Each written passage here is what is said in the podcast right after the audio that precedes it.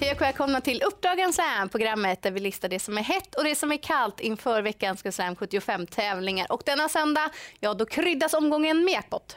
Så är det ju. 3,7 miljoner extra att spela om och det är fördelat i alla tre spelpooler. Och så ska vi till Rättvik.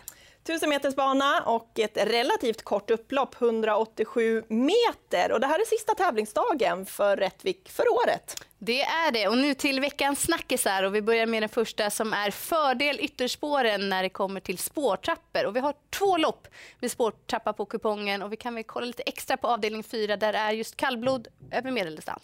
Så är det och då är spår 8 faktiskt eh, bra segerprocent. Eh, det är det bästa egentligen. Mm. Så att eh, spår 8 och sen därefter spår 7.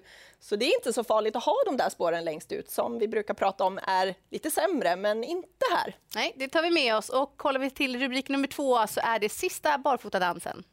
Ja, det är ju sista tävlingsdagen med fri balans. Man ska ha lite koll på vad det blir för barnförhållande och vad det blir för väder. Det kan ju bli kallt. Men sista helgen som sagt var att tävla utan skor. Och så nämnde du inledningsvis att det är sista tävlingsdagen för året på Rättvik och kollar vi till championaten, då är det hårt där i ligorna. Det är ju det, kuskchampionatet. Där leder Magnus A. Djuse med en seger före Rickard N. Skoglund. Och i tränarchampionatet, där leder Jörgen Westholm med två segrar före Joakim Elving. Så de här her herrarna, de har laddat för den här söndagen. Det är min känsla i alla fall. Det kan vi lita på. Nu har vi serverat er förutsättningarna, så här kommer veckans heta.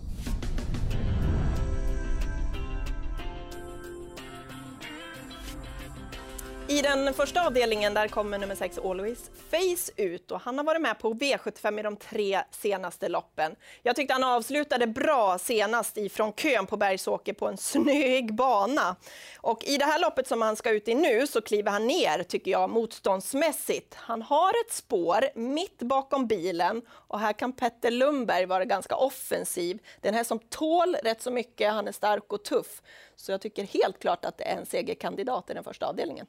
Och går vi till den eh, tredje avdelningen så återkom nummer fyra Nine Points Winner efter ett uppehåll senast och han blivit kastrerad och fått en träningsperiod. Jag tycker att han såg väldigt fin ut och han fullföljde bra som två i mål utan att behöva bruka sig helt. Nu har han lopp i kroppen, han har ett fint utgångsläge och jag tycker att han ska räknas tidigt i detta lopp för orutinerade hästar.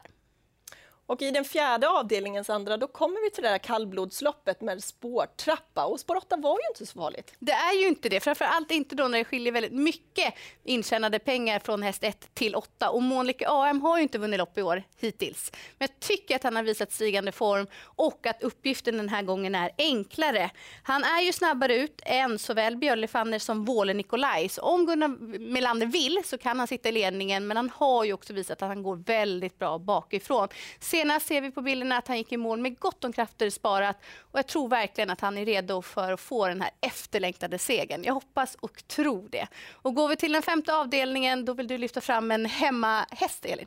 Precis, det är ett hemmaekipage och det är nummer 9 Spader som står 20 meter bakom eh, på tillägg alltså. Men han har tagit samtliga tre segrar på hemmabanan Rättvik och eh, där har han varit väldigt bra.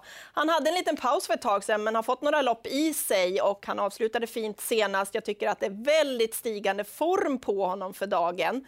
Han eh, kanske kan hitta lite ryggar här under slutvarvet och då kommer hans avslutning bita bra över upploppet och han är spännande i det här loppet. Och då ska vi prata om, eller prata med veckans profil som är Thomas Pettersson. Han har en egen tränad duo till start och så här säger han.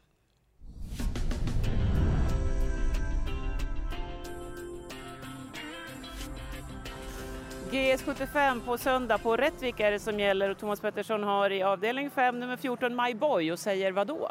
Ja, men han kommer från bra insatser tycker jag och två assist från ledningen och ja, fick stryka av en smygkörd men ja, fullt bra. Vad kommer du åka upp med, ut med för tanke? Ja, vi har ju lite punchigt läge nu med bakspår på 20 och sådär. Men hästen tävlar bra bakifrån så jag är inte orolig för det. Men det kan ju ändå bli lite väl långt fram. Och sen i sjätte avdelningen nummer 6 Cab Frontline. Hur låter det där då? Ja, men han är bra i ordning och han fick ta första årssegern senast efter en bra avslutning och, och sådär i ett liknande lopp som det här. Så att, eh, ja, hoppas att det stämmer lite på vägen och att han ska kunna vara med där framme. Så känslan är att du kan fortsätta bygga på staketet eller? ja, men att han gör ett bra lopp det vet jag för att det är en riktig hedershäst. Ja, men han har ju två hästar som han tränar själv som helt klart är segeraktuella. Den vi tror mest på det är ju den sjätte avdelningen, 6 Cab Frontline. Det blir väl första hästen i ett öppet lopp för oss två. Så här såg det ut när han avslutade senast. Eh, så får han lite ryggar under vägen, rätt resa och lite flyt under vägen, ja då har han formen för att kunna segerstrida. Det har han verkligen. Det var vår heta omgången. Nu vidare till veckans kalla.